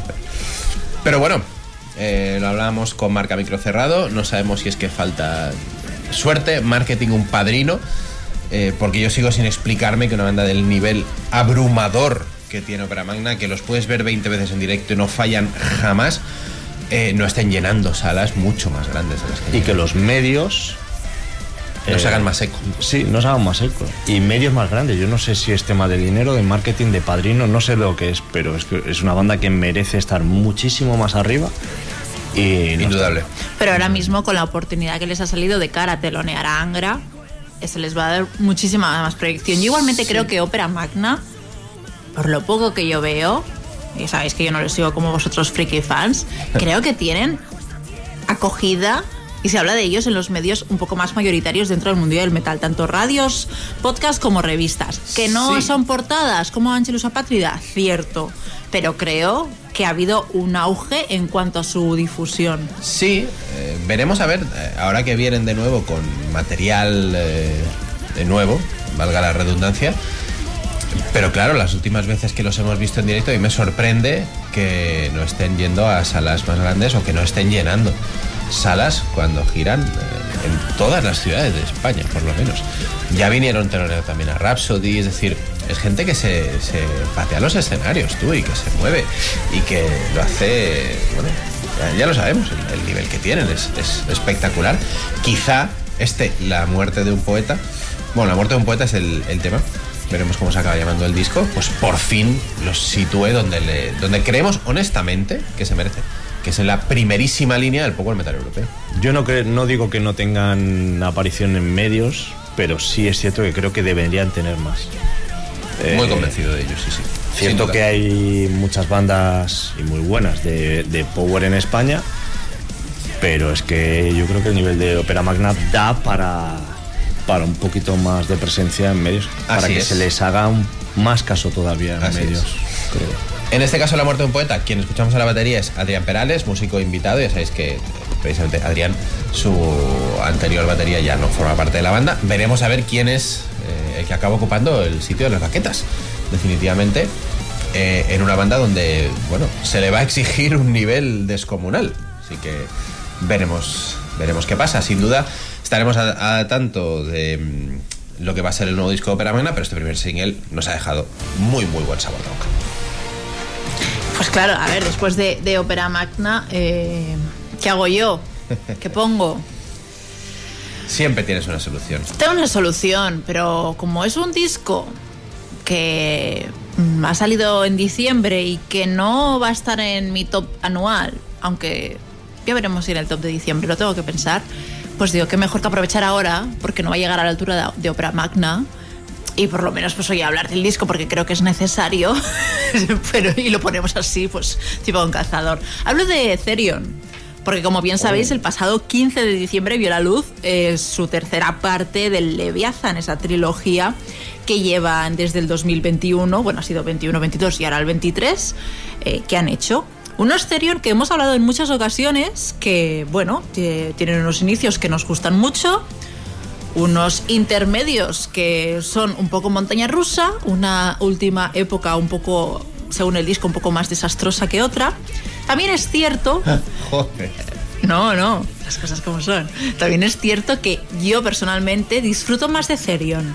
Cuando ya ha pasado un tiempo del disco, es decir, los últimos trabajos de Therion que no están a la altura de lo que creem- queremos esos Therion de los inicios, porque al final seguimos todos pensando que queremos esos Therion de los inicios, yo disfruto más ahora escuchando el Leviathan 1 que en su momento en 2021. O sea, tienes que Tengo que digerirlo, dejar ¿no? reposar, exacto. Entonces, es verdad que esta semana he escuchado bastante este Leviathan 3, porque claro, estamos a finales de año, a ver si va a entrar en el top o no. Y aunque está pues eh, la grandísima gente que colabora siempre con, con el amigo eh, Christopher Johnson, como es mi amadísimo Max Leven, eh, los demás me dan igual. no, no, es, es broma. Todos hacen un gran equipo. Todos, todos, todos. Pero desde. Lori, Cristian, Tomás, eh, Mail y también el músico Piotr. O sea, todos, pero. A ver. Pero Mats. Pero Mats. eh, sabéis que es una debilidad que tengo, que le vamos a hacer. He de decir que este Leviathan 3 eh, le he encontrado alguna canción, un par de ellas, que me recuerdan a esos Therion primeros que tenemos como tan endiosados, eh, sin llegar quizá a los niveles de antaño, pero tienen bastantes reminiscencias, muchas canciones que, bueno, pues eh, me dejan bastante fría. Y, y alguna más a, a la última época de Therion, de como te digo, de, haber recuperado eh, sus discos más nuevos, pero años después, que los disfruto como no sé, como distinto, con más ganas. Y de estas canciones que he dicho, mira, oye, que se parece un poquito a los Therion un poco antiguos, eh, quería compartiros Maleficum, porque la verdad es que los dos singles para mí me parecen horrorosos, creo que es lo peor del disco y entiendo que hayan podido elegir Ayahuasca como single, pero mm, no es para nada la mejor canción del disco. Pero Maleficum para mí es una de las mejores, así que vamos a escuchar y a criticar también un poquito lo último de Therion, pero con una de las canciones que, bajo mi punto de vista, vale la pena de este Le- Le- Leviathan 3.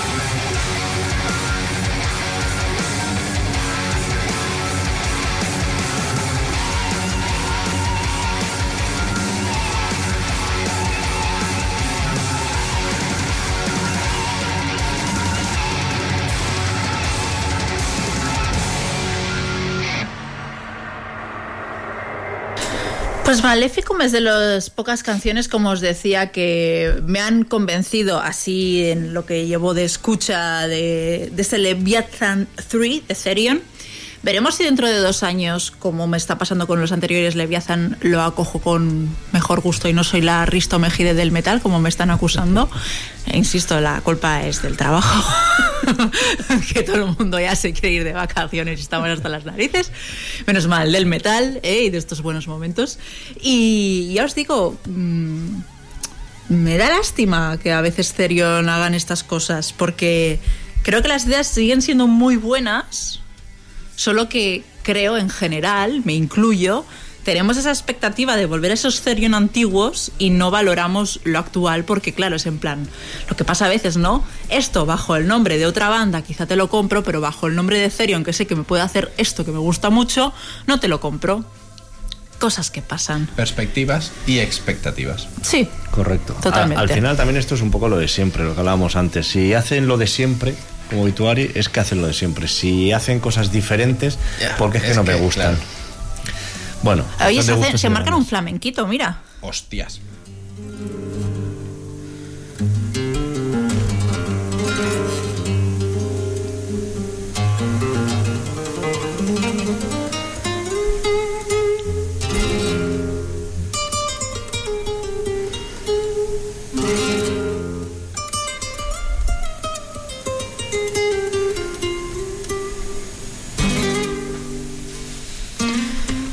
Bueno, luego cambia. Esto sí que es la voz de España. Perdón. Se llama encima la canción Duende, o sea que es una palabra que utilizan mucho en la voz España, sobre todo una de las...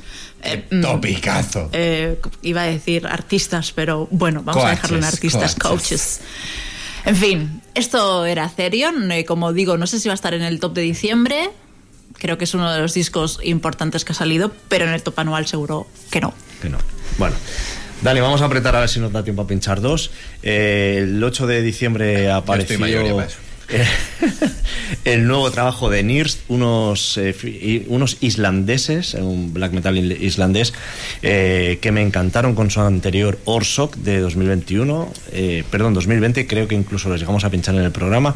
Total, que sacan nuevo disco, me enteré porque el otro día alguien lo comparte en el grupo de Telegram. Javi, Javi Salinas creo que, que es... Nos es- pone al día sí, los sí, sí, viernes. los eh, viernes es... a, a saco. es nuestra novedades, agenda. novedades, Hizo, novedades. hizo una encuesta y todo. Sí, sí. Yo voté que no, pero era coña. Ah, yo voté que sí. Yo voté a que mí sí. me va bien. No Sí, lo sí, escucho no, todo, supuesto. pero me, me va bien. Luego me di cuenta que era el único que había votado que no, Javi, lo siento. No era con intención. Total, que han sacado este nuevo disco, eh, gelido, melódico, muy de raíces, y yo escucho este tema y, y entiendo la portada del disco, un volcán en erupción. Eh, Green Beatty, esto es eh, uno de los temas del nuevo álbum de Nirst.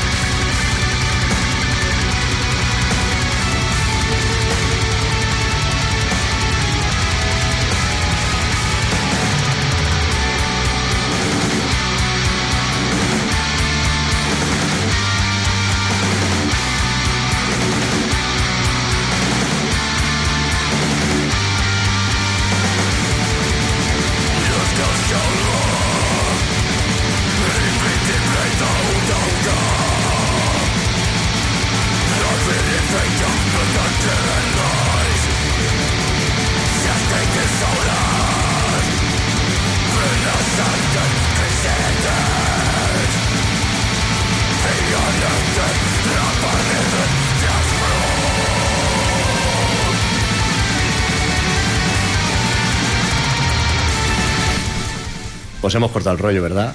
Lo sabemos. Tú dices que no da para top, pero hoy me ha dado para muchas cosas. Puede que dé para top, pero me hacen falta un par de escuchas más. Pues eso, lo nuevo de Nirst, que salió el 8 de diciembre, y así pim pam pum, Dani, ¿con qué vienes de nuevo? Con una de mis sorpresas eh, del año, spoiler va a estar en mi lista y muy arriba, pero si queréis nos vamos despidiendo y lo dejamos que suene después un poquito. Hasta aquí el octavo día en 2023, la temporada 23-24 sigue, pero ya en su segunda mitad, en la del 2024, Marc, una delicia, un placer tenerte un gustazo estar el micro. aquí como siempre con vosotros. Es esto es estar en casa y entre amigos. Y yo me voy a despedir con Necropanzer y One and Only, nada de power metal, nada de heavy metal, sino caña total y absoluta. Xenia, nos vemos en el 24. Nos vemos en el 24. eh, nos vemos antes en YouTube y en las distintas redes sociales con Correcto. los respectivos tops anuales del y también el top del diciembre. Y nada, muchas gracias como siempre por estar al otro lado de ondas, televisiones, móviles, conciertos, Exacto. lo que sea, por el feedback que dais, porque eso aporta vida y más en la radio que nunca sabemos si estamos hablando para la nada o qué. Y, y eso, muchas gracias por escucarnos, por interactuar, por ser tan buena gente, tan majos, que eso mola, mola muchísimo, Y por la verdad. tanto. Pues sí, pues sí, pues sí. Pues nada, que, que tengáis buenas vacaciones, que vaya todo muy bien, que los que no os gusta o tenéis que trabajar que sea lo más leve posible, que escuchéis mucho metal, que es lo importante. Y de salud también. Exacto, que Y disfrutéis. dinero mucho. también para comprar discos y que ir a conciertos. Exactamente. Disfrutad mucho, nos vamos con Necromancer. Nos vemos en 2024. Adiós. Adiós.